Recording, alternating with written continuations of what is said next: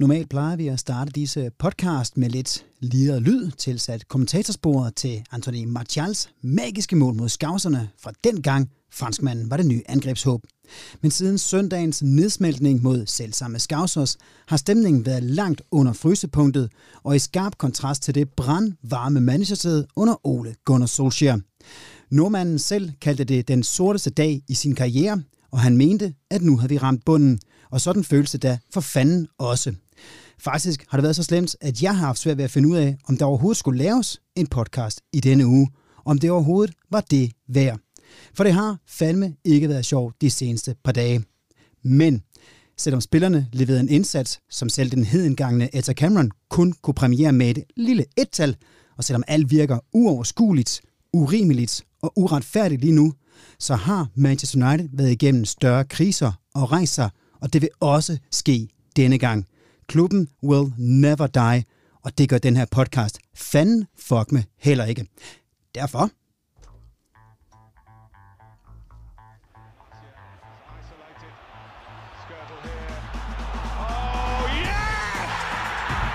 Welcome to Manchester United!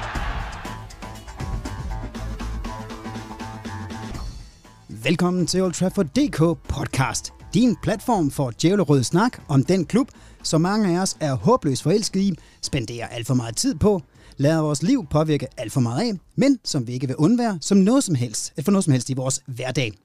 I denne udsendelse, der skal vi jo så desværre kaste blikket lidt tilbage på søndagens Northwest Derby, og mest dels prøve at komme frem til, hvordan det redderlige resultat efterlader os, både som klub og som fans.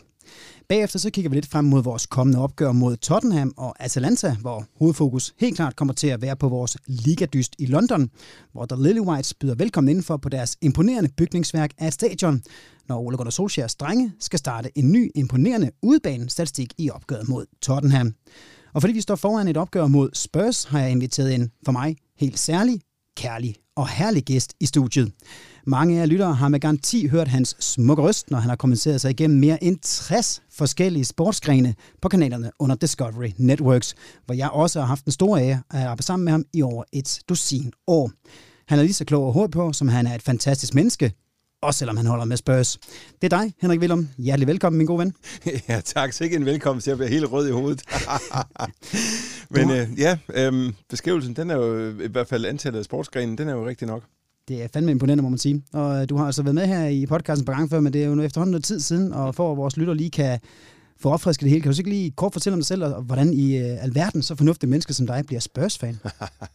Jamen, det går langt tilbage. Vi er ved at have været her på jordens overflade i, i nogle år efterhånden, så vi skal helt tilbage til 81, hvor Spurs spillede FA Cup-finalen mod Manchester City. Øhm, en kamp, der sluttede uafgjort øh, for første gang nogensinde, og man vidste egentlig ikke rigtigt, hvad man skulle stille op med en uafgjort kamp.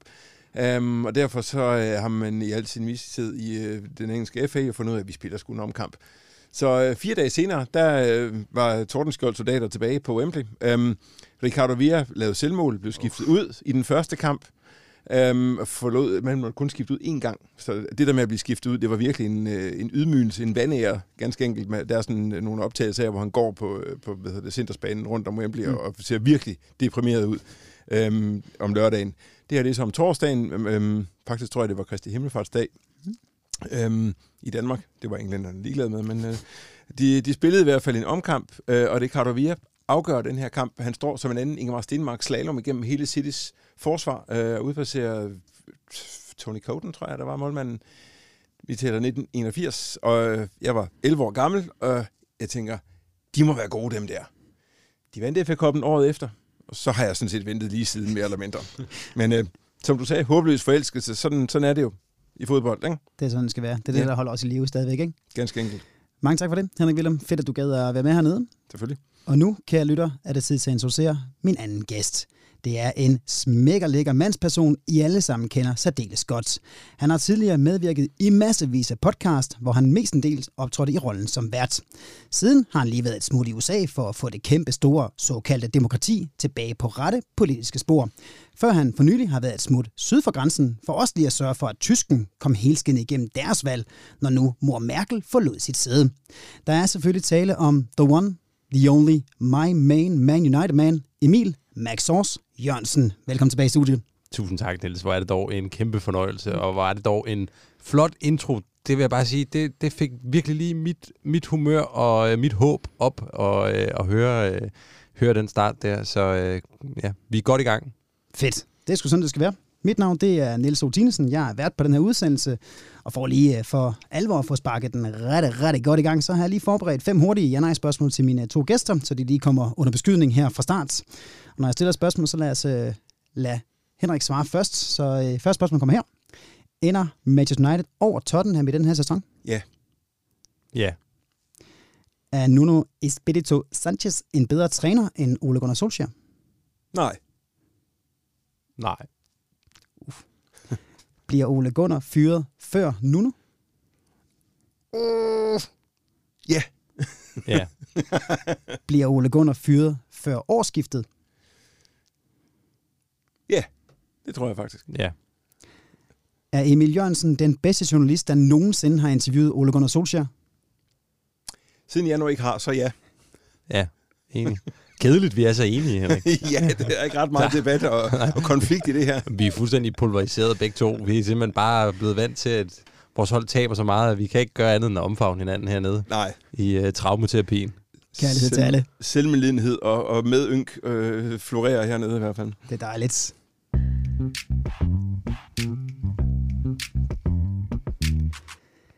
Jeg gider altid ikke gå ned i de øh, taktiske analyser og komme med, eller prøve at komme med forklaringer på, hvordan skavserne var så meget bedre, end tilfældet rent faktisk var. Ja, fuck, det gør stadigvæk under at sige, at de rent faktisk var så meget bedre, end de var. Emil, kort, hvad fanden skete der? Hvor kort vil du have det, Niels? Altså, øh, Vi har studie på timer endnu. er det okay, hvis jeg bare siger nedsmeltning? Fordi det var jo det, det var. Det startede ned fra firebakkæden af, og så var det et hold, der til sidst virkede som om, de havde det lidt ligesom, jeg tror mange af os havde, da vi sad og så anden halvleg. Jeg sad mere på Twitter, end jeg sad med øjnene rettet på kampen. Jeg var mere optaget af at læse, hvad der blev skrevet om kampen, end jeg var af at se kampen, og det var fordi, at kampen allerede var slut der. Og altså, det var en, en, en katastrofe. Det var øh, den, den mest ydmygende oplevelse, jeg har haft som Manchester United-fan. Jeg er selvfølgelig heller ikke nu, der er sikkert mange af vores lyttere, der sidder derude og tænker, "Rrr, han har heller ikke været med i mange år, og de har haft det fornemt, og, men jeg har alligevel været United-fan i, i, i godt 20 år, og jeg synes, det her, det, det er det, der har gjort, har gjort mest ondt. Altså, vi har prøvet at tabe mesterskabet i sidste øjeblik til City. Vi har tabt 6-1 til City, men hvis Og vi tager, og Spurs også. Men hvis vi tager, hvis vi tager de nederlag, så hænger de sammen med, at mod City er vi bagud med 3-1, da vi går ind i den, i den forlængede spilletid, eller i, i overtiden. Tillægstid. Mod Spurs er vi... Øh, jeg har savnet dig, mod, mod Spurs er vi en mand i undertal i det meste af kampen, og, og jeg synes bare, imod Skavsene, der var det deres noget mere, end at det var noget andet, der gjorde, at vi ikke tabte med et 5-0. Men hvorfor er det så slemt? Altså, hvorfor er det den her, der er så slem i forhold til alle de andre? Altså, 1-6 hjemme mod City, hvor vi bliver udstillet de sidste tre minutter i tillægstiden, det var fandme også hårdt. Især den måde, det skete på os jo. Ja, men det er fordi, at det her, det er Liverpool for det første. Og der er bare en historie, og det er der selvfølgelig også med City, men med City bliver vi ikke konfronteret med den på samme måde, som vi gør med Liverpool, fordi der er så fucking mange skavser i Danmark. Så det er den ene ting. Den anden ting er, at 6-1 nederlaget skete på et tidspunkt, hvor vi havde Sir Alex Ferguson som manager. Vi havde haft en fantastisk start på sæsonen. Hvis jeg husker korrekt, havde vi slået Arsenal 8-2. Vi, altså, det lignede ikke rock bottom. Det, det lignede, det lignede et, en svupser. Det lignede, hvad der sker en gang imellem, og det var selvfølgelig en katastrofal svupser, men, men det her, vi har at gøre med nu, det er så perspektivløst, som noget overhovedet kan være. Og så vil jeg bare sige, billederne af Ole Gunnar Solskjaer, der forlader banen på Old Trafford, og ligner en mand, der er ved at bryde ud i gråd, mens at hele Liverpool-afsnittet står og synger Always at the Wheel. Det ser jeg for mig, når jeg vågner om morgenen, og jeg ser det for mig, når jeg går i seng om aftenen i den her, i den her uge, og det er ikke løgn. Altså, det er et mareridt, som man bare aldrig vågner fra. Det, det, det, er, det er jo nærmest et traume, det her. Det var en hård oplevelse. Og jeg har stadigvæk øh, billedet af Sir Alex Ferguson, der sidder og pff, puster ud op på tribunen, mens han med et tomt blik bare kigger ud, der hvor der står 0-5. Det gjorde, det gjorde, det gjorde fandme ned med ondt at se det billede der. Det var næsten det, der var den mest... Øh, det går mere ondt end, end 3, 4, 5 0 mål, må jeg ærligt om. Henriksen set udefra, øh, hvordan oplevede man det som sådan en klub, som vi jo rent faktisk er konkurrenter med, og generelt, hvordan oplevede man det som, som fan af et andet engelsk hold? Jamen, øh, Emil brugte ordet nedsmeltning, og det er jeg fuldstændig enig i. Um, intet fungerede øhm, helt fra starten. Altså man får jo en dårlig start, og det er sjældent, at øh, det bliver rigtig godt, når man får en dårlig start. Øhm, nogle gange kan man så øh, komme tilbage og vinde. Det sker faktisk nogle gange, men, men øh, jeg synes, det her var, var kombinationen også lidt, som Emil var inde på. Øhm, kulminationen på en rigtig, rigtig dårlig periode, en rigtig dårlig tid for United. Øhm, og, og ligesom øh, en form for, ja, hvis man skal bruge et moderne udtryk, benchmark, for at der er noget galt øhm, alle steder i klubben nærmest. Ikke? Øhm, man kunne netop se Ferguson, der sidder og, og prøver at få gode miner til sletspil. Det plejer han faktisk ikke, altså, fordi han har jo sit velkendte temperament. Altså, han ville jo være tomatrød i hovedet og, og bruge hårdtørren, hvis det var under normale omstændigheder, fordi det var der ligesom plads til. Øh, og så kunne han gøre noget ved det, uanset om han så var manager, eller om han bare var jeres gæst. Men her, der sad han bare og stirrede tomt ud i luften. Øhm, og det var i sig selv for mig et, øh, et sygdomstegn for, for klubben i det hele taget. Øh, så det her er, er kulminationen på noget, som på mange planer bare ikke fungerer for United set udefra. Og når Henrik, når du siger sygdomstegn, altså en ting er Sir Alex Ferguson, der sidder og broster ude på tribunen. Du har også vores kaptajn, der ligner en hovedløs kylling, der spiller som nogle af dem, jeg møder i serierækkerne om søndagen i, øh, i Københavnsrækkerne her. Mm. Han burde lede hele forsvaret, og han ligner en, der bare er miles for at være i form til noget som helst. Du har symbolet på nedturen efter Sir Alex Ferguson, Paul Pogba, der ja. jo kommer ind og sælger helt holdet. Du har vores træner, der sidder ude på bænken, som man har nul tillid til. Så det er ligesom bare sådan, det er kombinationen af alle de ting, der gør, at den har været ekstra hård at sluge, den her. Vi har tit været efter, og der er mange fans ved, og også mange øh, eksperter rundt omkring, været efter Ole Gunnar Solskjaer, fordi han ikke viser nok følelser ud på, på sidelinjen. Vil du så gerne have haft, at han rent faktisk stod og råbte og skreg noget mere holdet der, eller var det bare sådan lidt, fuck, jeg kan ikke gøre noget lige meget hvad? Det ved jeg sgu ikke engang. Jeg havde det lidt som om, jeg, jeg troede på et tidspunkt, at han ville begynde at græde. Jeg, jeg synes, det lignede, at han var på, at han var på randen af et sammenbrud derude. Og øh, der, der vil jeg måske for hans egen skyld også foretrække, at han, han at det mundede ud et raseriudbrud frem for, frem for det der. Men omvendt, så kunne det også hurtigt have føltes en lille smule kunstigt, hvis han øh, for første gang nogensinde begyndte at stå og råbe og skrige i en kamp, hvor United var 5-0 bagud og var en mand i undertal. Det er jeg heller ikke sikker på havde gavnet noget som helst. Jamen altså, jeg vil bare sige, at det, man skal ikke øh, forbinde nødvendigvis øh, råben og skrigen med, med engagement, fordi selvfølgelig er, Solskjaer engageret, når han står derude på bænken. Øh, kampen er jo kulminationen på hans forberedelser. Det er nu engang den måde, han er på. Der er andre managers, øh, også i Premier League, som er mere udadvendte, hvis vi skal bruge det udtryk, øh, og hvor man nemmere kan aflæse deres, øh, deres følelser og deres engagement. Han er super engageret, det er slet ikke det, og det var derfor, han så så ked af det ud. Øh, så, så jeg synes også, det ville være mærkeligt, hvis han pludselig begyndte at, at bruge armene som øllevinger og far op og ned af sidelinjen og, og råbe alt og alle. Um, det ville være påtaget, fordi han er, som han er.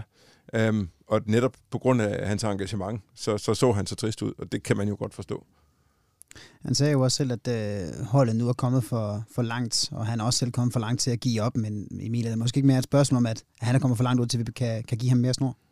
Jo, det er det dem, der har lyttet meget til den her podcast, de ved, at jeg har virkelig bakket Ole Gunnar Solskjaer op, og det har jeg, fordi at Ole Gunnar, han er en af mine barndoms største helte. Jeg har vil ham til at lykkes så hårdt. Altså, også fordi, at jeg jo engang har været op og snakke med ham før rigtig mange andre. Det er jo også en væsentlig pointe, men jeg må indrømme, jeg synes faktisk, at det er en lille smule skandaløst, at han stadigvæk er manager i Manchester United. Jeg synes ikke, at der er noget objektivt, der begrunder, hvorfor han er det. Og jeg synes, at det vil klæde både ham og klubben, hvis vi kom videre fra det her nu. Fordi Ole Gunnar har opfyldt på alle de parametre, han skulle opfylde. Og Ole Gunnar er stadigvæk en kæmpe legende i den her klub, og han skal have al ære og respekt for det, han har gjort. Men vi kommer ikke videre med ham som manager nu. Og der vil ikke være nogen anden manager for en stor klub som Manchester United, der kunne have præsteret de resultater, som han har præsteret, og så stadigvæk sidde managersædet. Jo, måske hvis du havde nogle meritter, som retfærdiggjorde det, eller hvis du forud for det havde haft en, en, en lang periode, som eksempelvis Sir Alex Ferguson havde haft med en masse trofæer, men det har Ole Gunnar Solskjaer ikke. Ole Gunnar Solskjaer har en asset, og det er, at han er den mest sympatiske mand på jorden, at han elsker klubben, og at vi stoler på ham. Vi tror på, at han vil United det bedste, men lige nu vil det bedste for United være, hvis han kom videre, er jeg bange for. Og vi snakker også om, hvordan vi kommer videre her øh, lige om lidt, men inden da skal vi også lige høre øh, fra spørgsmålslejen, for I var jo også, Henrik, I var jo også i aktion her i, i søndags i, yeah. i en derbykamp, og selvom det ikke, ikke gik helt lige så slemt, som det gjorde for United, så endte det altså heller ikke lykkeligt at stå over for Moise og hans uh, West Ham-hold. Uh, hvorfor var det, I tabte den kamp? Øh, fordi der gik mange ting galt, ligesom der gjorde for jer. Men ikke lige så mange ting. Ikke ligesom, at vi tabte trods alt kun 1-0. Øhm, der er også øh, en, en kultur og en organisation i Spurs, som, som slet ikke fungerer. Øhm, en trup, som, som ikke fungerer. Øhm, producerer ingen chancer. Øhm, spillerne er i, i dårlig form. Øhm, Udenbart udadtil, så virker Nuno som en, øh, en, en god træner øhm, eller manager. Øhm, men når man så ser på, på spillet, når, når de spiller kamp, så øh, er der ikke rigtig nogen rød tråd i, i det, man foretager sig. Man kan ikke sige, spiller de øh, possession, vil de have bolden, vil de stå tilbage, som, øh, som under Mourinho og spille kontra. Det er sådan, de, de sidder lidt mellem en hel masse stole, for, synes jeg. Øhm, så er Harry Kane ude af form. Det vil sige, der er ikke ret mange til at score målene. Vi scorer forbavsende få mål. Øhm, Harry Kane har lavet et øh, i Premier League i den her sæson. Ikke? Øhm, der er ikke rigtig nogen, udover Son, vil jeg sige, som, øh, som kæmper for trøjen, virker det til, øhm, og, og som virkelig yder en 100% indsats. Øhm, de andre øh, tøffer lidt rundt. Øhm, de er i forhold til, da Pochettino var manager, så er Spurs i væsentlig dårligere form, simpelthen. Øhm, så det er også et, øh, en væsentlig faktor. Det, man skal altså være i god form, hvis man skal vinde fodboldkamp i Premier League. Ikke? Øhm, så, øh, så der er rigtig, rigtig mange ting galt. Øhm, selvtilliden, øhm, der er uro i, i truppen, på den måde forstå, at øh, det her med, at man stiller med et torsdagshold i, i, i den her forbandede Conference League, og så et, øh, et søndagshold, som det så er i øjeblikket i Premier League, det skaber noget frustration, også hos nogle af de spillere, som har været bærende kræfter i, i mange år. Harry Winks øh, og Dele Alli for eksempel, som spiller de her torsdagskampe. De er ikke bedre, så det er ikke derfor. Øhm, det er ikke øh, synd for dem på den måde, fordi de kunne bare spille noget bedre. De er simpelthen ikke bedre i øjeblikket. Øhm, men de skaber bare noget uro, fordi de har været øh, så højt placeret i hierarkiet igennem flere år, og nu er de pludselig ikke højt hævet i, i hierarkiet længere. Så derfor så, øh, så er der ligesom pillet ved, ved magtbalancen internt i, truppen også. Hvis jeg siger, at 95% af alt det, Henrik han lige sagde omkring Tottenham, kunne også siges omkring United. Hvad siger du så, Emil? Ah, 93 måske. Men det, det er jo fandme tæt på. Altså, han skulle bare udskifte et par navne hister her, så er det ligesom at høre en United-fan snakke om, hvad der galt i United. Ja, men for at vise, at vi stadigvæk har en lille fli af det der not arrogant, just better, så vil jeg alligevel våge den påstand. Jeg tror, Henrik, du vil hellere have Uniteds trup, end du vil have Tottenhams trup. Til enhver tid. Det er jo det, der er den store forskel. Altså, trupmæssigt, kvalitetsmæssigt, så øh, kunne jeg måske finde tre spillere i Spurs, som, øh, som jeg gerne vil beholde, og så kunne man skifte ah, fire, hvis jeg tager Højbjerg med sådan bare med klaphatten på. Ikke? Det skal man have. ja, præcis. Men øh, udover de fire, øh, altså Kane, Son, Loris øh, og så Højbjerg, resten dem kunne man sagtens skifte ud. Men du har selvfølgelig ret, Emil. Øh, resten af Uniteds trup er selvfølgelig øh, af væsentlig højere kvalitet end Spurs, og det er en væsentlig forskel også på den lange bane. Og det er jo det, der er den åbenlyse pointe, der bliver nævnt i alle Uniteds kampe i øjeblikket af de mest mainstream kommentatorer. Det er jo, hvorfor kan vi ikke få mere ud af det materiale, vi har? Og det er jo det, der også er så frustrerende at se. Vi har ikke haft på papiret en så dygtig trup, siden Sir Alex Ferguson han gik på pension. Og vi beror 100% på individuelle præstationer. Så synes jeg, vi kan tage hul på øh, min næste emne, som øh, jeg meget passende har valgt at kalde øh, Where the fuck do we go from here?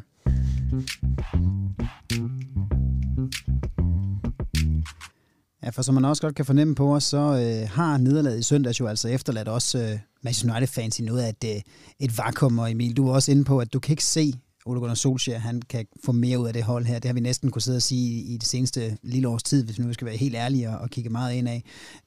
Er det, er det bare det, der skal til? Er det bare en trænerføring, og så skal vi nok komme på ret spor igen? Hvad, hvad, hvad fanden gør vi? det er øh, virkelig, det er jo, det er jo, det er jo million kroner spørgsmålet, det her, og vi kunne sidde og snakke jeg, om det i timevis også. Jeg, jeg, jeg, fat på Ed Woodward. Og du er den eneste, der har snakket med Ole Solskjaer, som nødt til at spørge dig. ja. Jamen, jeg, jeg, jeg tror, at det starter med, at vi fyrer Ole Gunnar Solskjaer i hvert fald, men det burde jo også starte med, at vi skiftede øh, mere ud i, i hele den sportslige ledelse. Jeg har siddet og tænkt over, i takt med, at jeg har set de seneste kampe, vi har haft den her pangdang til member berries hernede i podcasten, og for dem, som måske er vores lytter, der har glemt det, så er det jo det her med, at verden styres af en, en konspiration af droger, der prøver at bilde al, ind, at alting var bedre i gamle dage, og det er derfor, at vi lige nu ser remakes af Star Wars og Indiana Jones, og at vi ser Socialdemokratiet, der vil have Danmark som 1950. Det er simpelthen, fordi verden regerer af member berries. Det er en reference fra South Park, og jeg synes egentlig, den rammer ret spot på, hvordan verden er i dag. Problemet med member berries, det er bare, at det er lidt ligesom det er lidt ligesom coke. Det er ret fedt, men det er ikke særlig langtidsholdbart. Og det, det er heller ikke særlig langtidsholdbart, det der sker i Manchester United nu, fordi når jeg ser på den det parnas, der er rundt om klubben af tidligere legender, der sidder og kommenterer på United og holder hånden på en måde under Ole Gunnar Solskjaer også. Altså, det er jo helt forrygt, at du har Gary Neville og Paul Scholes, der i så lang tid har insisteret på at forsvare en manager, der ikke har leveret resultater, når vi tænker på, hvilken behandling de gav til Jose Mourinho for eksempel. Udover det, så har du så Alex Ferguson skygge, der også hviler ind over klubben. Du har tidligere spillere i øh, trænerstaben. Du har bare for meget af det gamle, er jeg bange for. Og det var jo en væsentlig pointe, dengang Sir Matt Bosby han gik på pension, at der, det, det tomrum, som han efterlod, det vakuum, han efterlod, der gik 26 år efter, at Sir Matt Bosby han gik på pension, før United vandt et engelsk mesterskab igen. Så da Sir Alex Ferguson gik på pension, der var vi alle sammen enige om, at det må ikke ske igen. Hvordan forhindrer vi, at det her det sker igen? Og på en eller anden måde, tror jeg, så er vi bare blevet lullet lidt ind i den der The United Way søvn. Fordi det er blevet en sovepude. Der er ikke nogen plan. Der er ikke nogen plan. Vi har en manager, der snakker om, at vi skal have de gamle dyder tilbage, vi skal have United-DNA, men den taktik, som, som hans manager praktiserede, altså, vi er lysår fra det. Så der er nødt til at ske noget helt nyt, og jeg, jeg er bange for, at der skal ske noget med nogle af dem, som vi måske ikke har en eller anden romantisk fortælling om. Der skal nyt blod til, hvis klubben den skal udvikle sig. Så det er hele trænerstaben, og det er måske også nye spillere, eller hvad tænker du? Nej, men jeg tænker ikke så meget nyt. Altså, vi kan jo ikke, vi kan jo ikke skifte alle ud, men jeg tror i hvert fald bare, at vi skal væk fra den der tanke om, at, at det handler om The United Way, at det handler om, at vi skal have øh, alle de her gamle koryfæer i trænerstaben. Jeg, jeg tror, vi har brug for en person med, med nogle nye idéer, nogle nye visioner, der kommer ind. Øhm, Hvorfor kan en ny træner ikke komme ind og følge op på The United Way?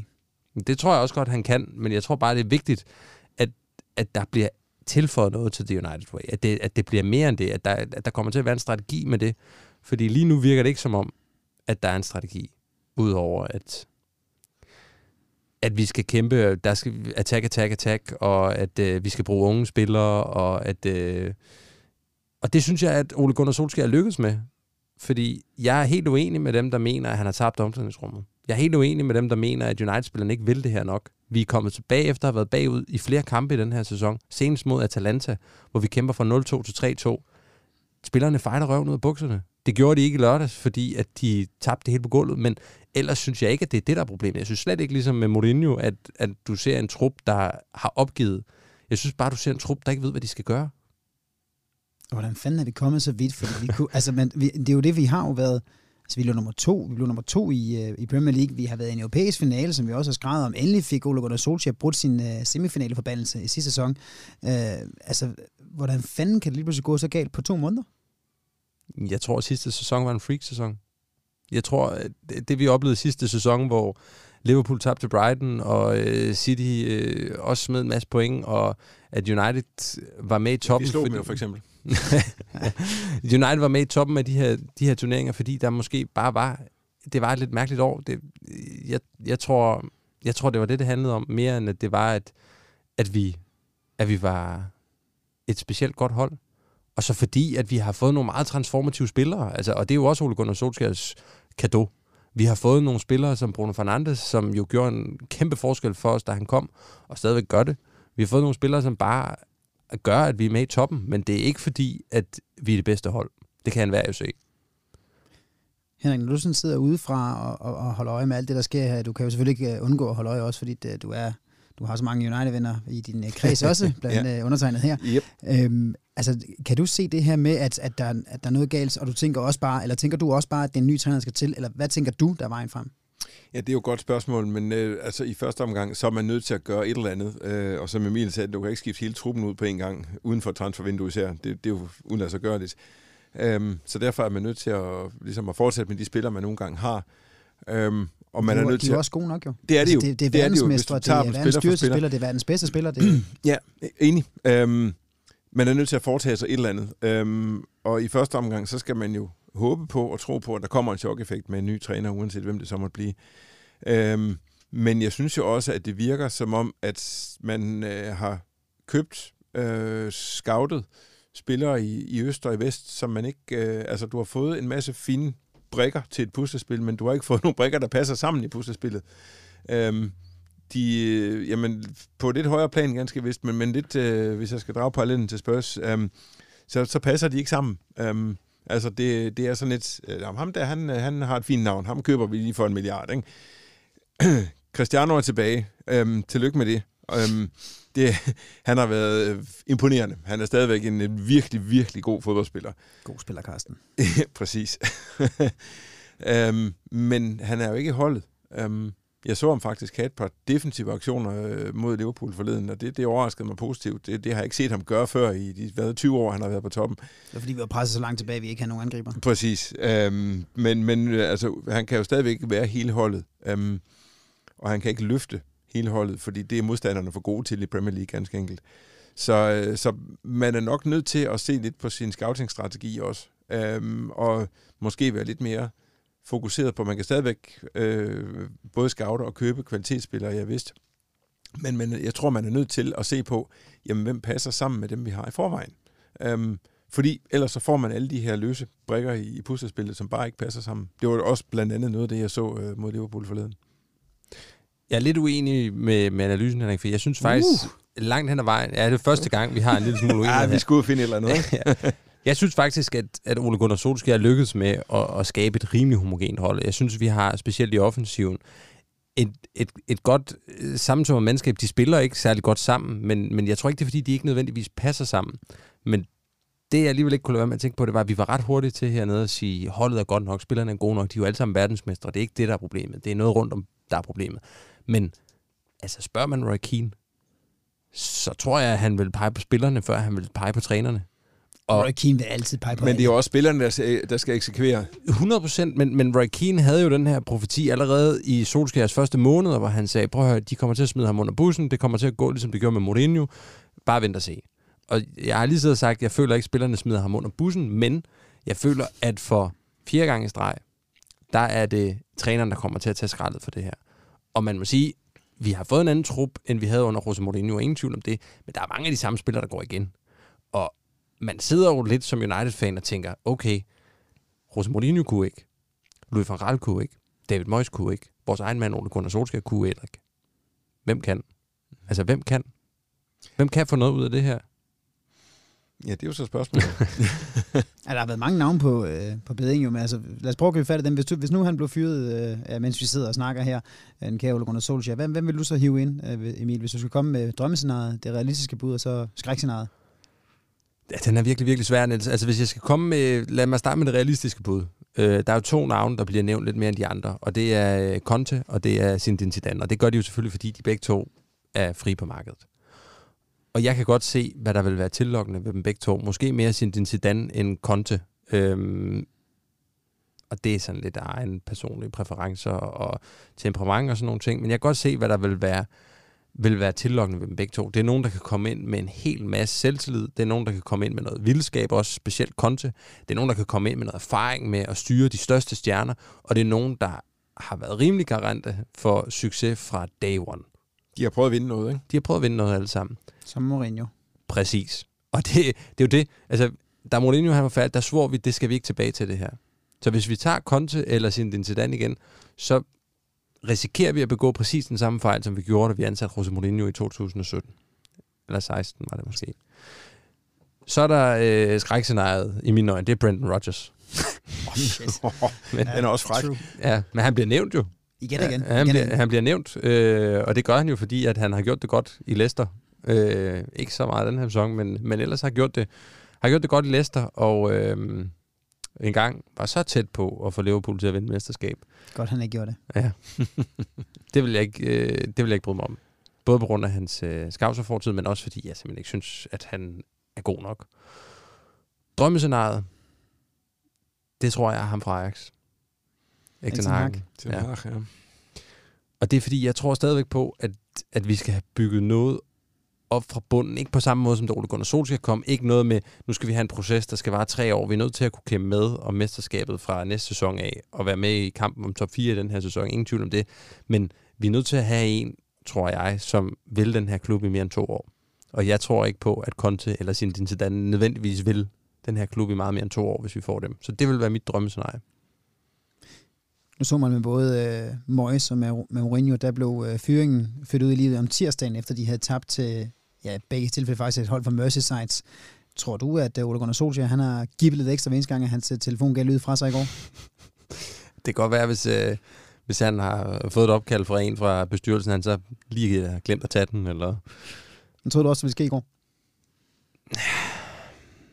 Det troede jeg faktisk, nej, det troede, det troede jeg faktisk ikke. Nu er der jo så kommet en hel masse historier fra de engelske aviser om, at, øh, at han får kampen mod Spurs, men at hvis det går dårligt, så er der en landskampspause. Og så kunne der ske ting og sager i den landskampspause. Der er Atalanta, Atalanta Atalanta også, også. ja. Atalanta er selvfølgelig. Men ja. Øhm, og det, det, giver jo egentlig, det giver jo egentlig mening. Men, men jeg, jeg frygter lidt, at der går politik i den på den måde, at Ed Woodward jo har to måneder tilbage. ja, måske. Der snakker så om, at han skal forlænges også. Og det ville være skønt. Når Morten Murray. Oh, jolly. men, men, men det er jo også en faktor, at vi har en, øh, en, en direktør af ham, som allerede har tre trænerfyringer på CV'et inden for de sidste ja, syv år. Flere vel, hvis du også tager gigs med i den. Han blev øh, heller ikke. ja, det er selvfølgelig rigtigt, men, Det er jo ikke så længe. men det, ser jo, det, ser jo ikke, det ser jo ikke godt ud på hans CV, at hvis han, hvis han lige får en fjerde fyring med, og specielt ikke, når han øh, i sommer gav vores nordmand en øh, ny langtidskontrakt. Mm. Og så er der jo også alle de her historier om, at for Glazer-familien, der så længe vi spiller med i top 4, så længe pengene stadigvæk ruller ind, så længe vi stadigvæk kan sælge en milliard Ronaldo, tror jeg, så, så prioriterer de stabilitet frem for kaos. Og det er jo også det, Ole Gunnar Solskjaer har givet indtil videre i hvert fald. Men jeg tror ikke, spillet bliver bedre i de næste kampe. Og derfor så vil presset blive ved med at være der, og derfor så er det et spørgsmål om tid, tror jeg. Hvad tænker I siden som øh, Spurs-fans derovre? Tror I også, at I skal igennem endnu en trænerføring, før det kan for alvor blive godt? Altså man kan jo sige, at I har øh, i hvert fald et okay spillermateriale. Det kan godt være, at det ikke er måske lige så højt op som Manchester United, som også har punget flere penge i holdet, end, end Spurs nogensinde kommer til med de Mm. ejere, øh, Ja. de ledelsesfolk, som de har siddende nu. I har et fantastisk stadion, det eneste i Europa bygget til NFL, som de så pænt siger i USA. Mm-hmm. Altså, er, er det også bare den sportslige ledelse, der skal på plads der, og her tænker jeg mest managerdelen, eller hvad er det, der er galt i Tottenham, for at I ikke kan tage det sidste afgørende skridt, når I også har været så tæt på et mesterskab, som I har været for et par år siden, og en Champions League? Og en Champions League. Øhm, ja, altså det der er problemet med Nuno er jo, at øh, han var meget, meget langt nede på prioriteringslisten. Altså alle andre havde stort set sagt nej. Den, den næste under ham, det var mig. Det havde været fedt. Ja, det, det var et skridt op fra min øh, U16-dreng ud i Dragør i hvert fald. Også kvalitetsmæssigt. øh, nej. Nej, okay. men, øh, men altså, det er jo, øh, altså, for hans synspunkt, at det er jo noget, som, øh, som må sidde i ham. Siger, når, når vi ikke kunne få andre, så må vi nøjes med dig.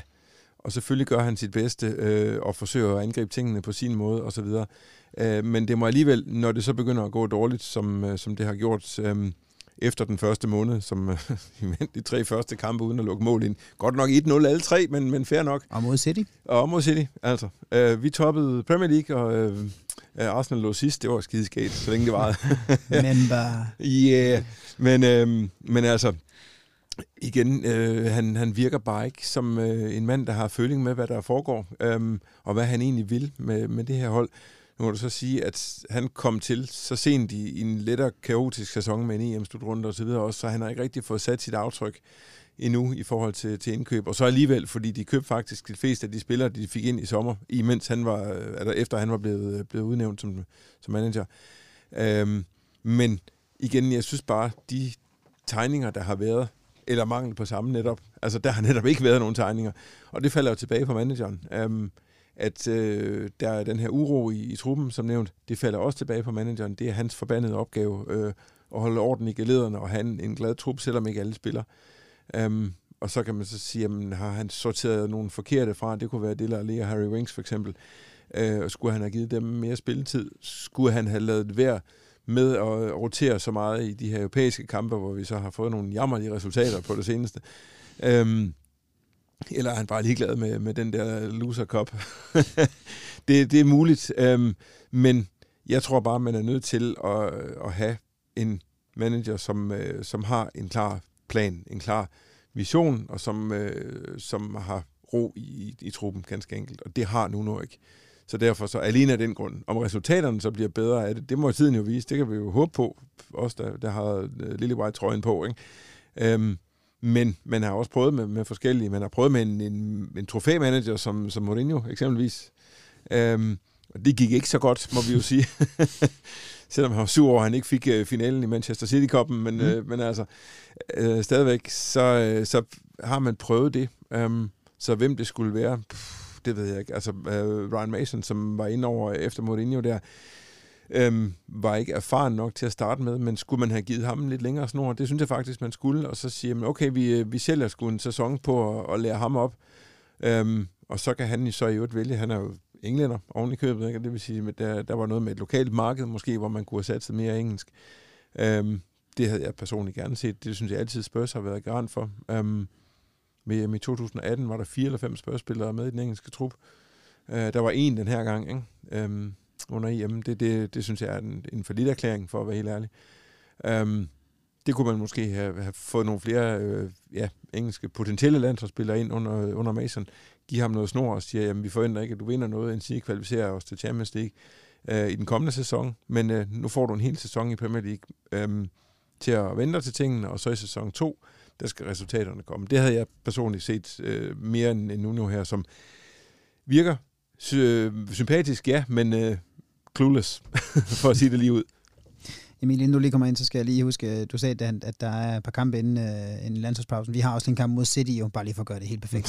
ja, så vi har jo lige de her tre kampe inden der så landsholdspause, hvilket også er, ifølge rygterne, de her tre kampe, som Solskjaer har for at få, for at få vendt skuden. Men du havde lige det. Nej, og det, nej det, det havde jeg, og det er jo egentlig, de tre kampe er jo det vil jo være det mest typiske solskær nogensinde, hvis han så endte med faktisk at få resultater i de her kampe her.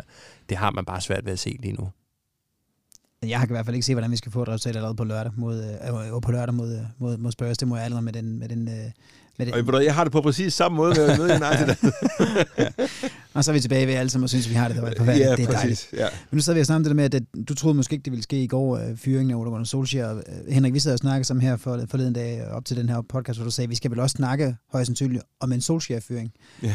Er du overrasket over, at han stadigvæk er United-manager? Du skal lige sige, vi er ikke lige på medierne lige pt. her onsdag aften. Det kan være, det er sket, mens vi sidder og optager. Det kan det jo godt være, men, men øh, var der ikke noget med, at de skulle holde møde mandag aften?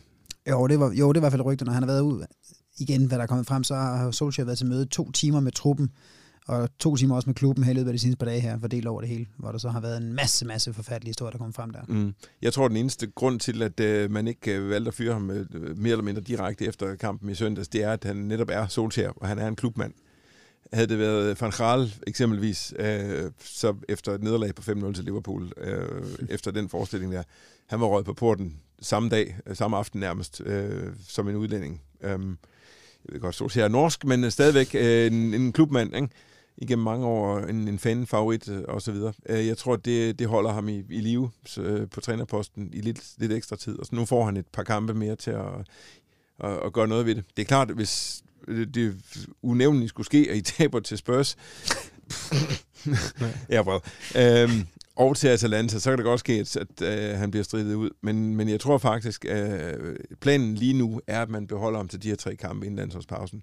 Og går det skidt i dem, jamen så har man trods alt øh, en, en periode, en relativt kort periode ganske vist, men alligevel så har man en periode til at, at køre en ny manager i stillingen til den tid.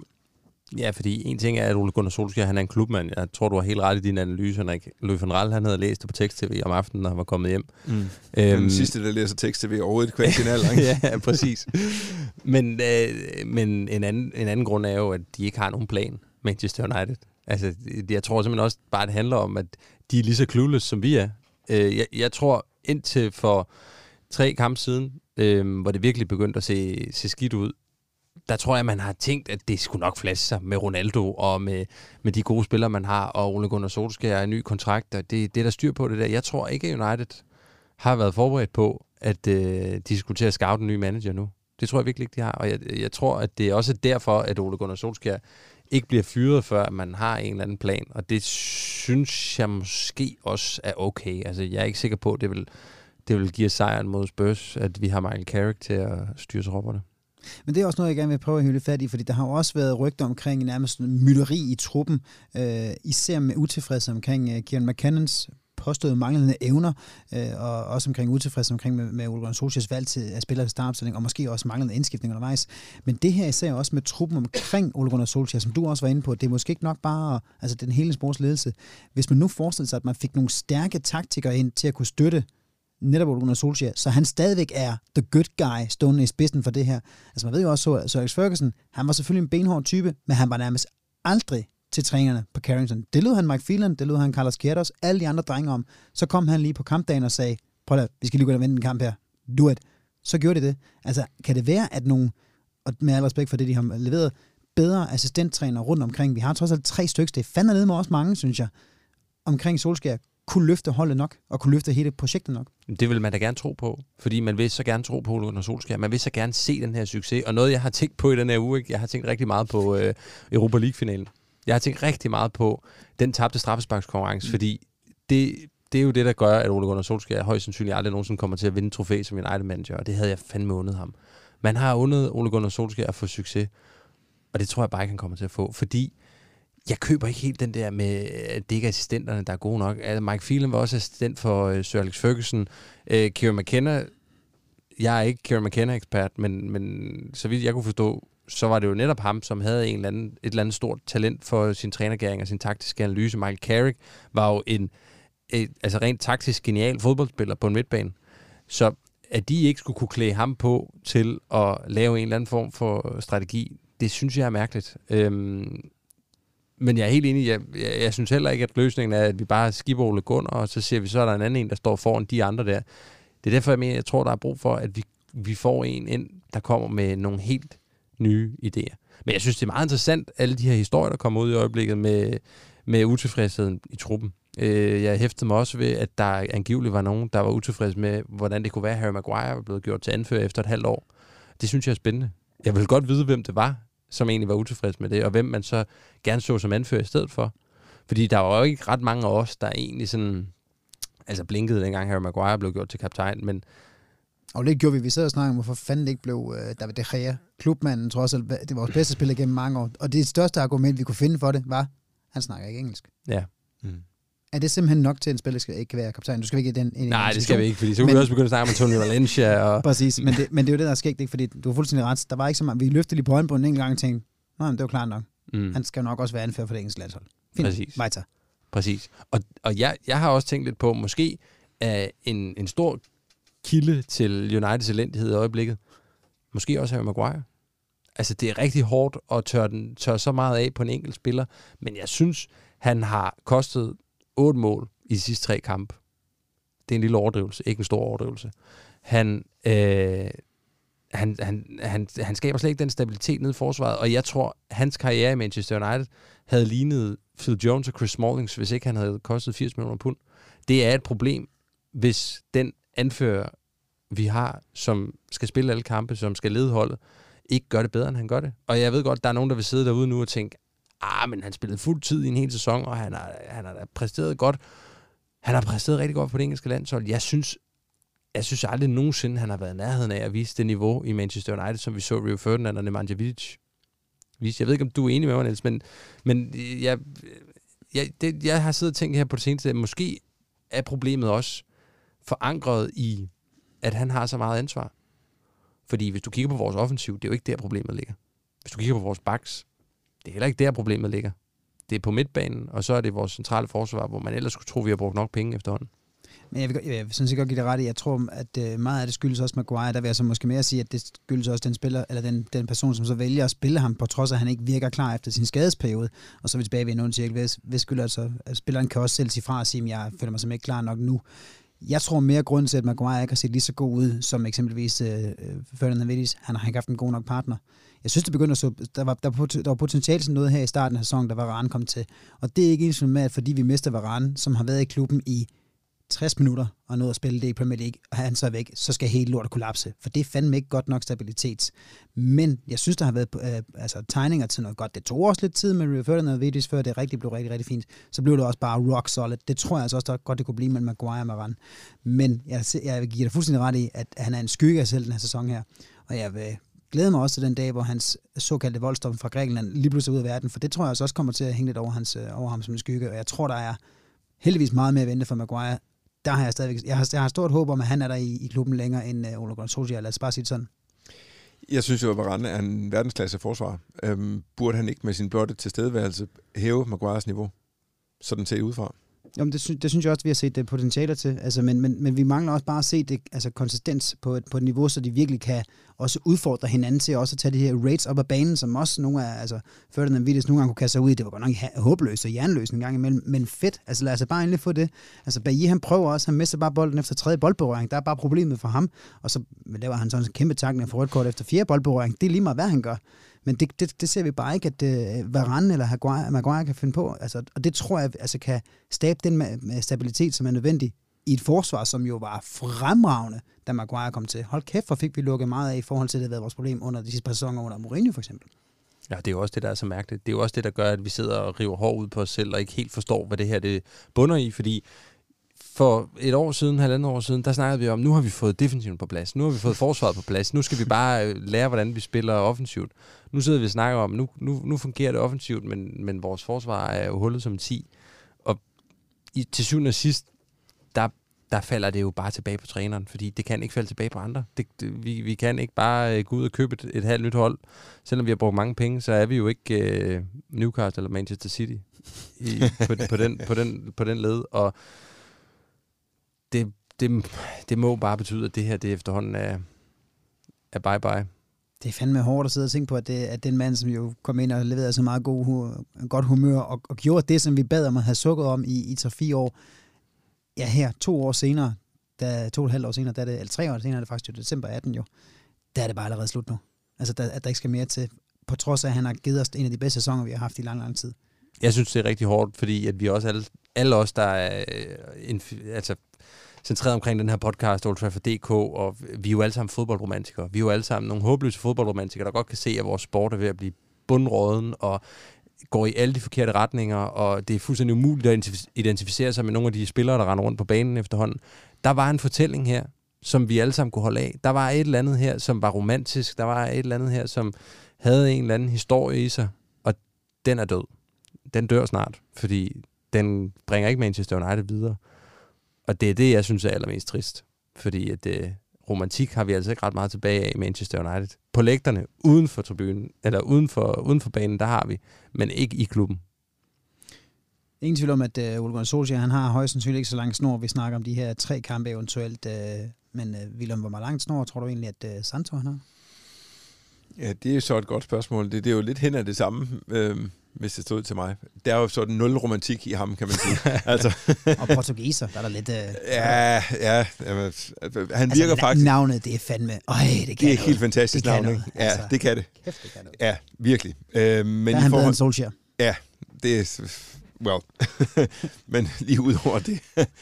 Øh, nej, der er jo ikke, øh, der er jo ikke nogen, øh, nogen varme følelser og noget forhistorie fra fansenes side i forhold til ham. Tværtimod, så synes man jo, at med, med den måde, Spurs har optrådt på i starten af den her sæson under ham, øh, der ser vi hellere hans hæl end hans tog øh, hurtigst muligt. Ikke? Øh, så på den måde, så er der jo ikke en, en fanbase, man skal tage hensyn til, som jeg lidt har et indtryk af.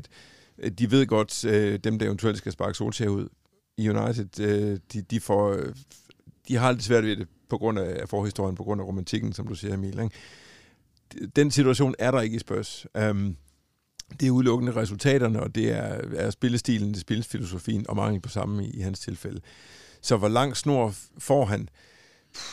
Ja, de skal i hvert fald starte med at vinde nogle kampe. Uh, og det, Ikke på lørdag. nej, det kommer heller ikke til at ske. bare, en, bare en lille Conference League-kamp, ikke? ja, øhm, så, øh, så det skal man jo starte med, i hvert fald. Ikke? Øhm, så, øh, så får man ligesom noget at bygge videre på. Kan man komme ind i en stime? Ikke på lørdag, det ved jeg godt, men, øh, men på et eller andet andet tidspunkt. Ikke? Øhm, inden den her landskamppause, eventuelt. Jeg tror, hvis, øh, hvis de yder endnu en jammerlig præstation, jeg kan ikke engang huske, om de skal møde i Conference League næste uge. Mm-hmm. Mutter. Ja, ja, eller hvad er det, Vitesse hjemme, tror jeg det er, eller Mhm. whatever. um, og så er der to Premier League-kampe, kan du sige. Øhm, man skal måske ikke gå ind med en, øh, en ambition om decideret at, at vinde United-kampen, specielt ikke efter, hvad der skete for jer i søndags også. Ikke? Så kan man sige, at men øh, viser man i det mindste noget spillemæssig fremgang, øhm, så, så er der noget at bygge videre på. Øhm, og kan man få en sejr inden landskamppausen, jamen så er der måske noget at bygge videre på derefter.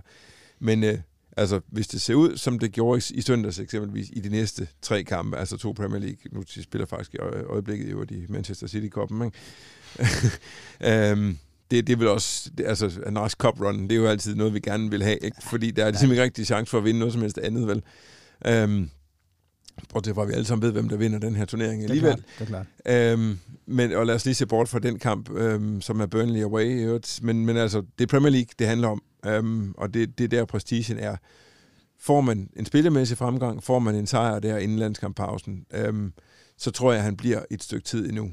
Øhm, man har trods alt lige ansat ham, så vidt jeg husker, på en toårig kontrakt.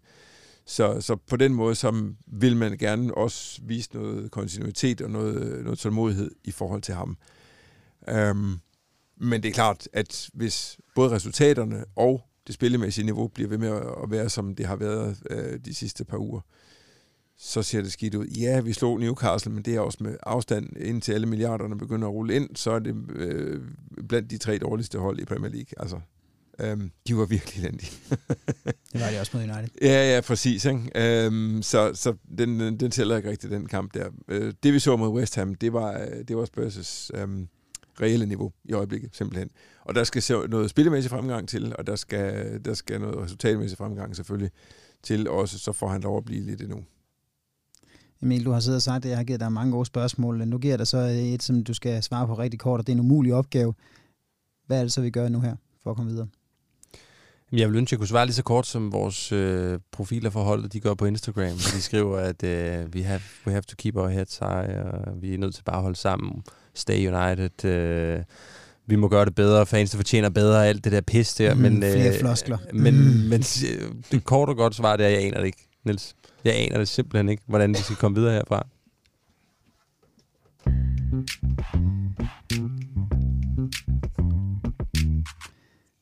Og således opløftet, eller hvad vi skal kalde det, så øh, lad os gå til et tema, som jeg har valgt at kalde Lots et Spurs. Så Alex Fergusons berømte citat forud for et ligaopgør mod hovedstadsholdet har været et af de første ting, der springer frem på min mentale nethinde, når jeg hører ordet Tottenham. Men nærmest lige siden Roy Keane løftede sløret for, at den eller den skotske team talk på tre ord blev offentligt kendt, ja, så er det altså gået langt bedre for The Lads fra North London. Faktisk ligger The Little Whites foran os i ligaen. De er stadigvæk med i Manchester City Cup'en her til aften, hvor vi ikke er med længere, og de har også været i en Champions League-finale for bare et par år siden. Så opgøret på lørdag, det har altså også enorm betydning for, for begge klubber. Inden vi lige øh, dykker lidt med i, i fremtidsperspektiven i dag, så kunne jeg godt lige tænke mig at vide, Emil, øh, kampen mod Spurs, hvad betyder det egentlig for dig? Jamen, det er sådan lidt ligesom, hvis vi møder Leicester eller West Ham, eller noget af den dur. Nej, nu provokerer jeg Henrik.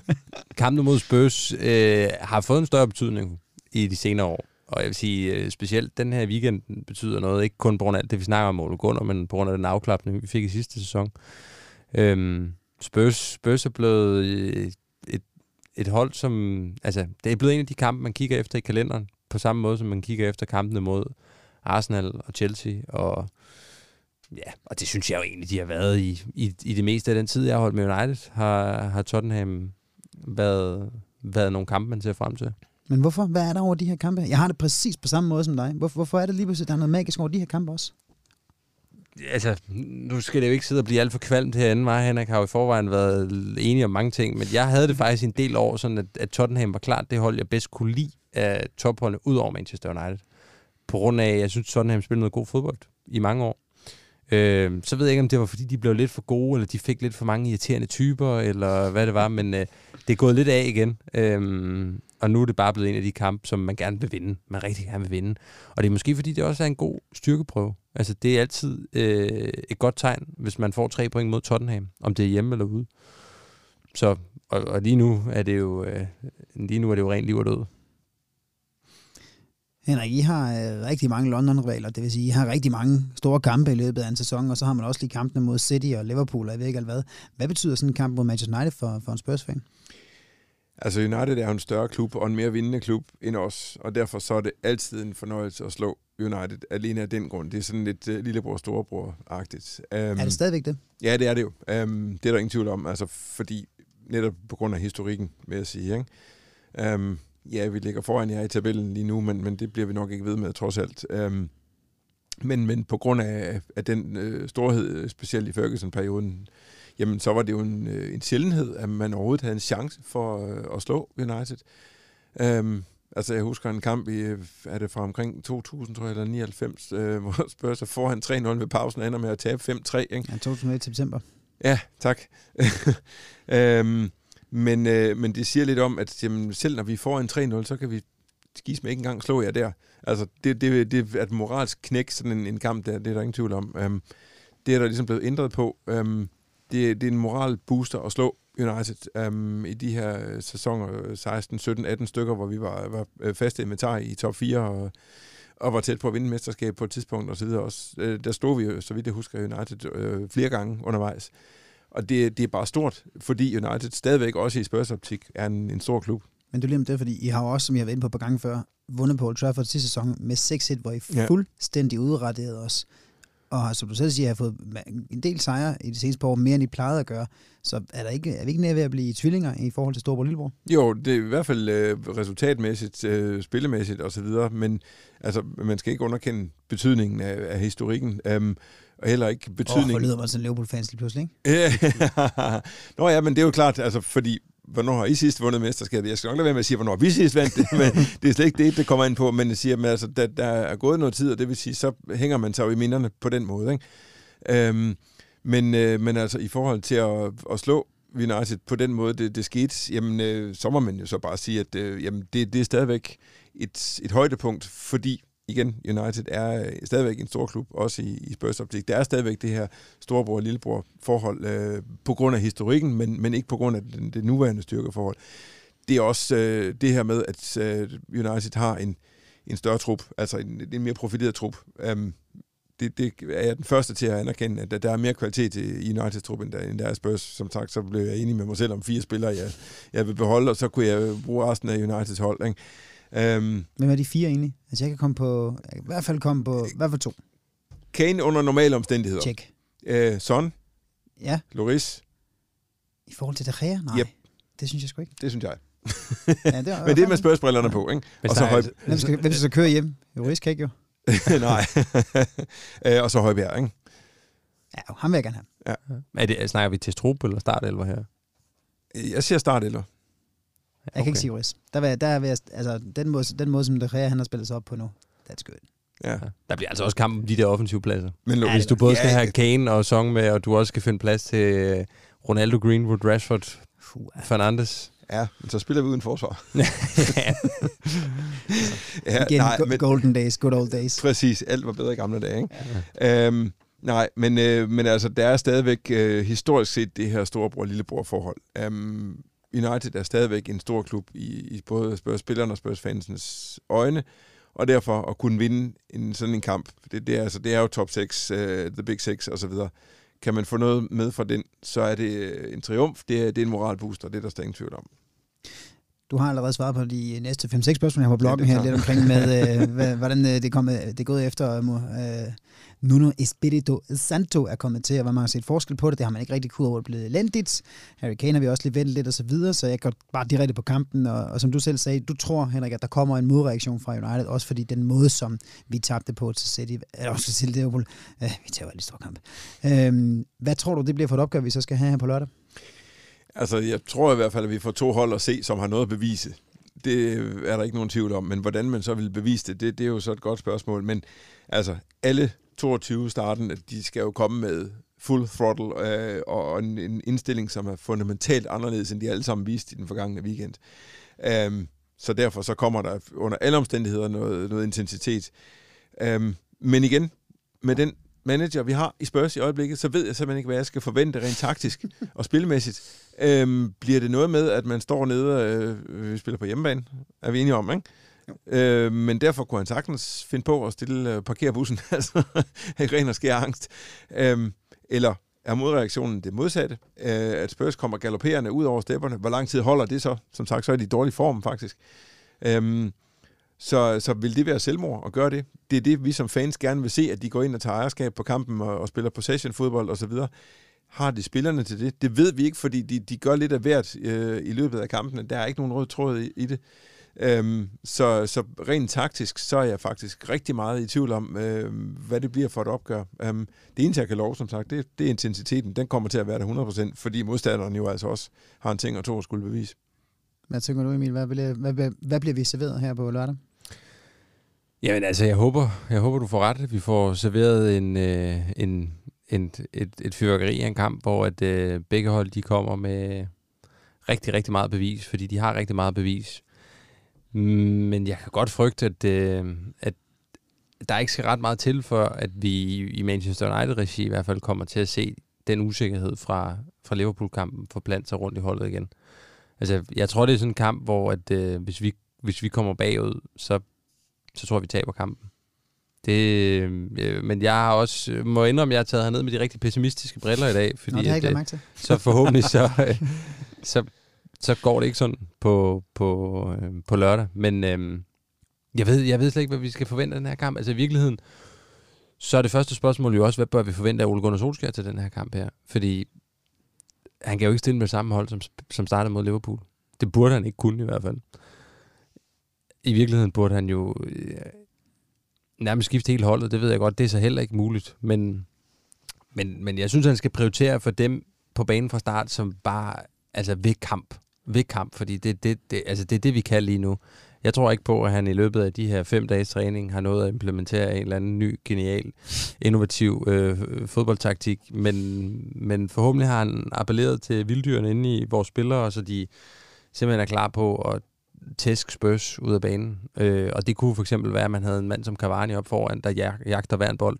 Øh, det kunne være, at øh, man selvfølgelig har Scott McTominay med på midtbanen, fordi at han jo er en fighter af Guds nåde. Øhm, Har lige Grand på mål, selvfølgelig. har lige Grant på mål.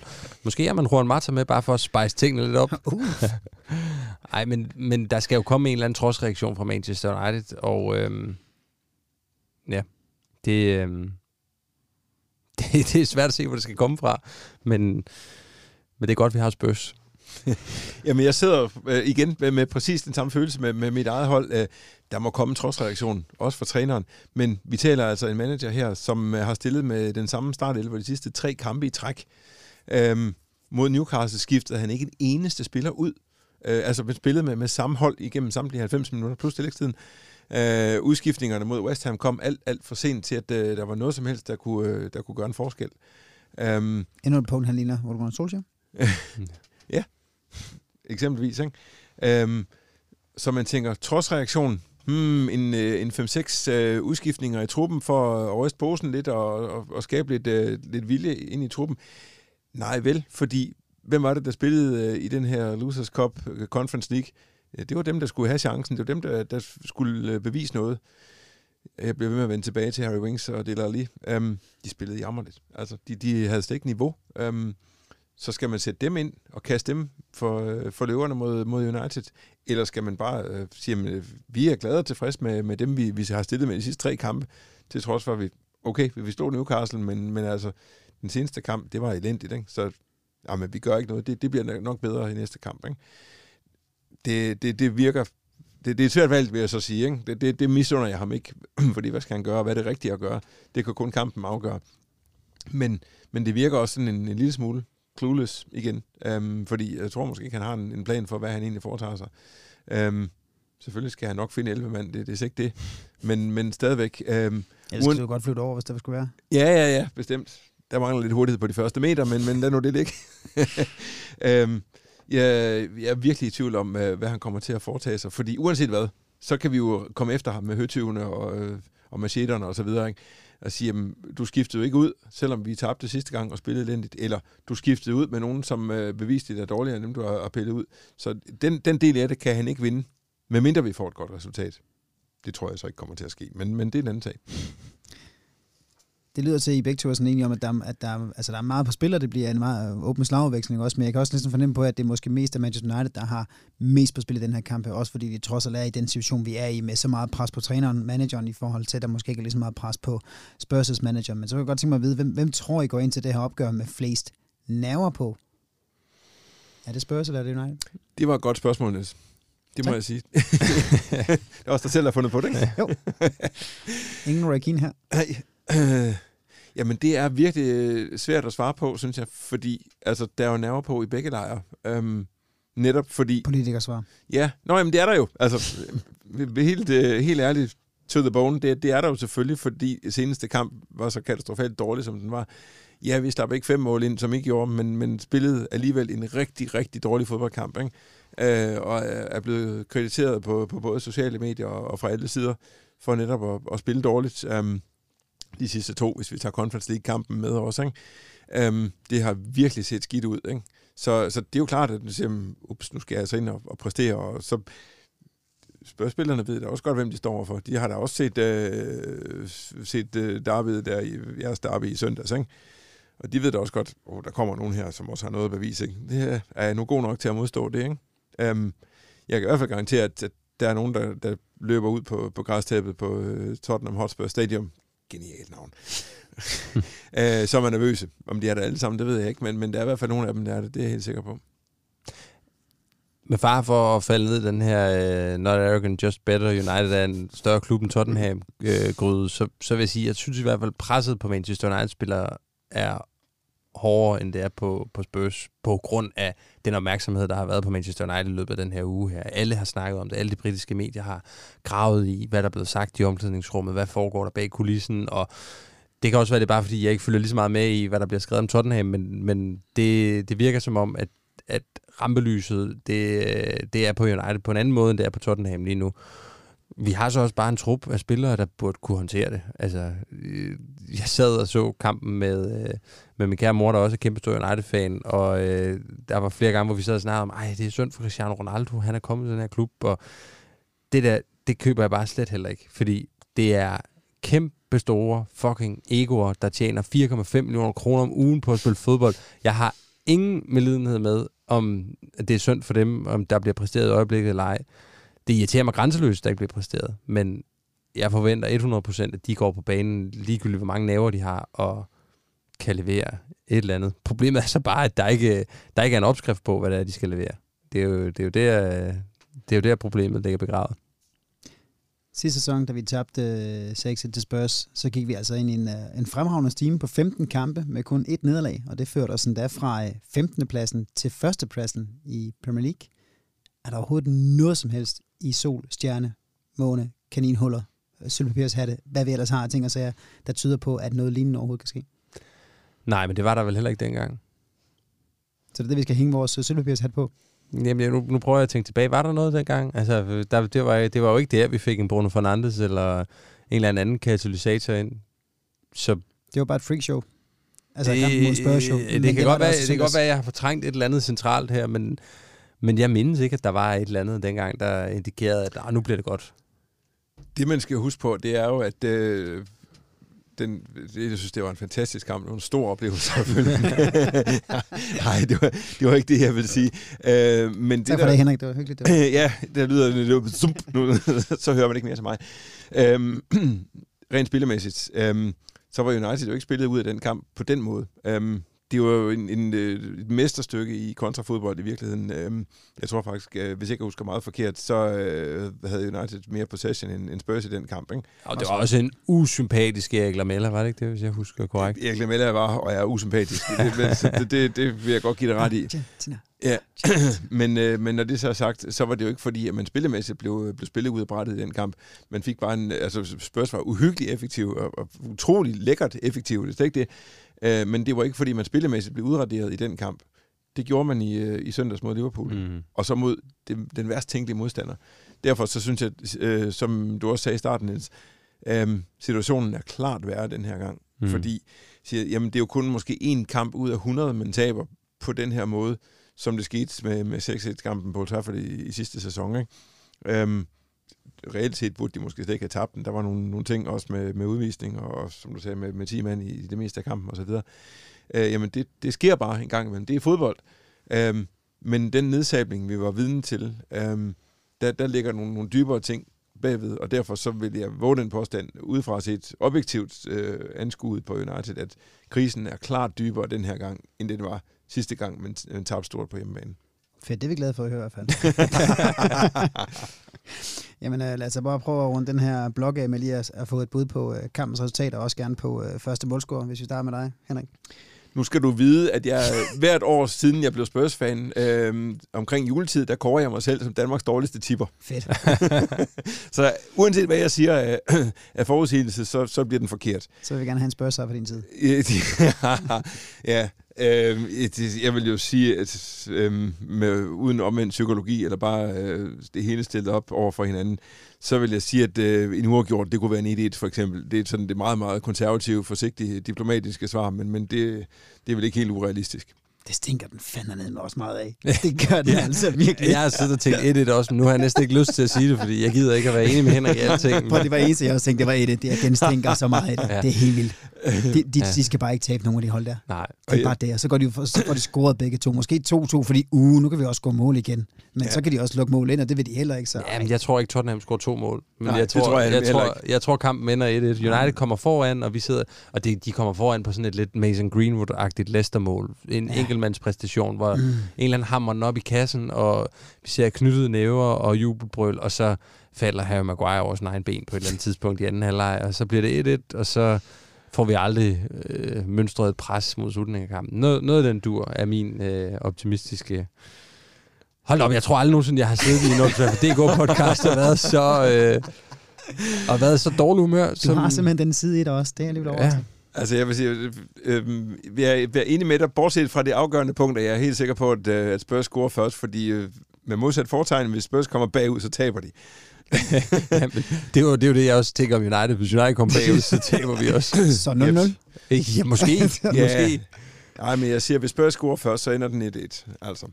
Så øh, det kunne være, øh, lad os være friske og sige, det er et selvmål som første målscoring. Nu har vi sablet Harry Maguire ned, ikke? jeg er fandme god odds på. Vi skal også lige hurtigt vinde øh, kampen mod Atalanta, som sagt, her mod Champions League øh, næste uge. En, altså, hvis vi synes, at spørgsmålskampen er vigtig, så er den jo altså også bare vanvittigt vigtig, fordi som du har været inde på et par gange, Emil, det her med, at jamen, så længe vi bare er med i Champions League, så længe vi vinder i Champions League og går videre fra gruppespillet, så er der flere penge, så er der Glazers nærmest fucking ligeglad med, hvad der ellers sker på banen. Mm. Det har de også lidt sagt mellem linjerne, de er ligeglade med spillet på banen, bare der stadigvæk kommer det ind, der skal. Hvordan det kommer ind, det er de skide ligeglade med. Hvilke af de her to opgør, tror du egentlig er vigtigst set fra ejernes vedkommende? Oh, jamen, øh, så må jeg øh, hive endnu en øh, Henrik-replik ud af munden her og sige, det var et godt spørgsmål, det der. jeg skulle tro, jeg var vært på sådan ja.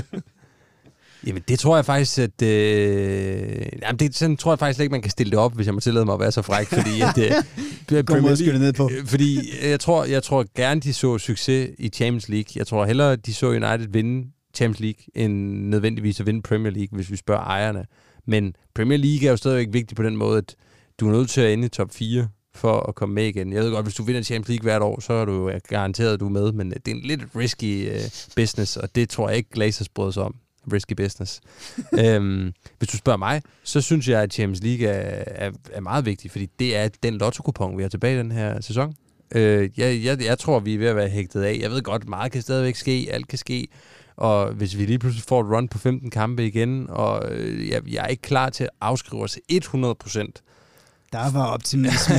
fra, der var fra den... nogle mesterskabskampe. Men lad os sige, at jeg afskriver os 90 procent. Øhm, 93. Ja.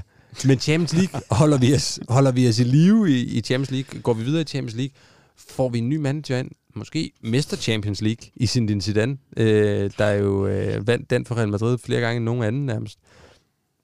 Du har Ronaldo også. Så kan alt ske.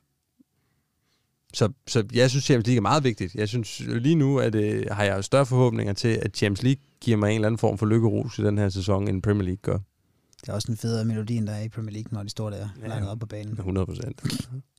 det synes du også ikke også? Altså, det er en bedre lyd i Conference League, end det er i Premier League?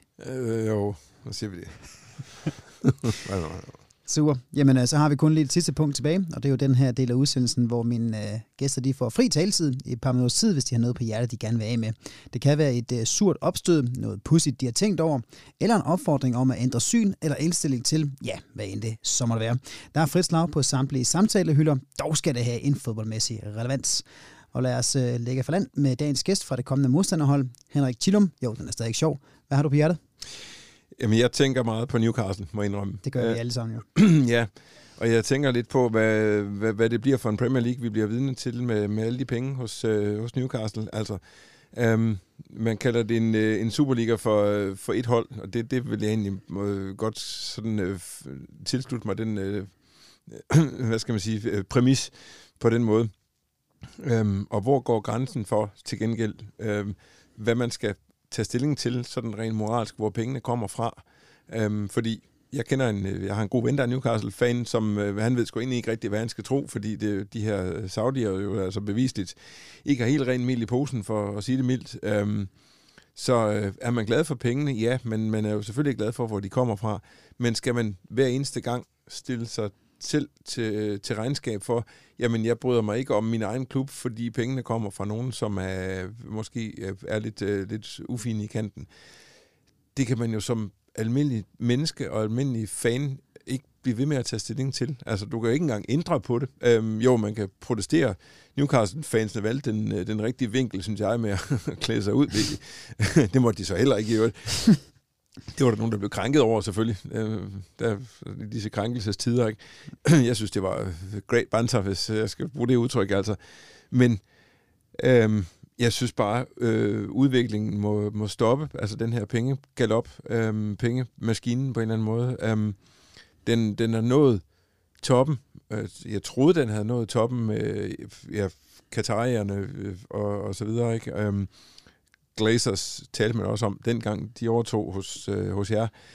Liverpool til ejer det samme lidt, ikke? Siger man nu, altså alle de penge og, og så videre. Øhm, men så kommer der alligevel nogen og overtrumfer det. Øhm, og hvad så, når de bliver trætte af det, hvor efterlader det så klubben? Det, det er mere det, der er problemet. Lige præcis den bekymring har jeg ikke i min egen klub, fordi det har, den har, har været lø, kørt øh, på en sund måde, øh, med en sund økonomi igennem rigtig, rigtig mange år. Um, men det, det er lidt beside the point, at det er min klub. Um, jeg tænker bare, at altså, hvor længe bliver Premier League-klubberne ved med at være, være legetøj for, for de her superrige øh, mennesker, eller ja, regeringer, øh, magthaver, som det jo rent faktisk er. Det er jo, Premier League er blevet en magtdemonstration. Hvornår stopper det? Øh, det, det synes jeg er noget, det er noget, jeg går og spekulerer meget over. Hvornår bliver det en, en rigtig fodboldklub igen? Hvornår bliver det rigtige fodboldklubber, som møder hinanden øh, i Premier League? Det, jeg ved det jeg har ikke svaret på det, så det er ikke derfor, det er ikke et hypotetisk spørgsmål på den måde.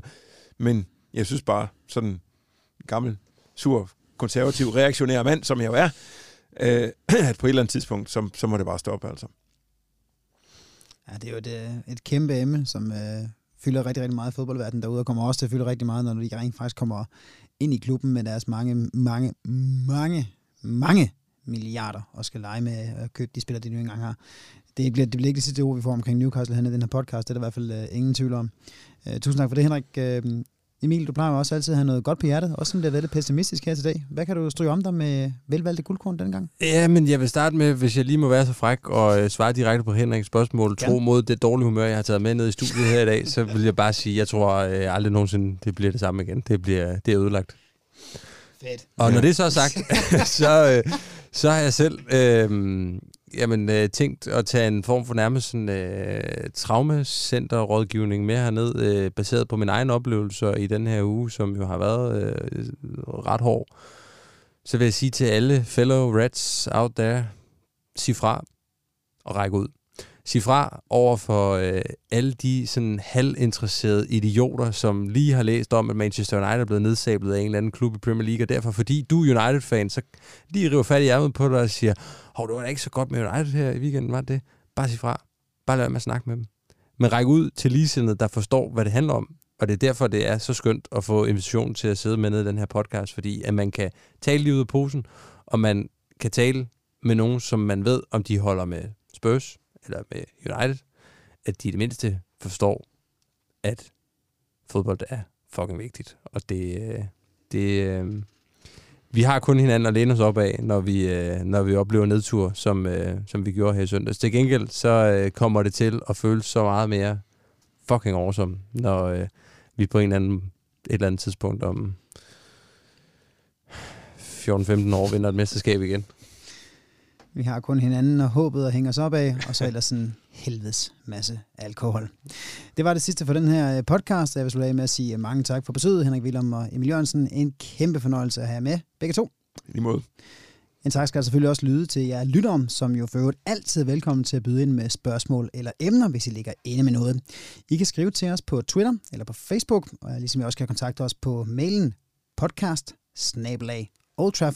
oldtrafford.dk. Vores podcast indbakke er åben 24-7 365.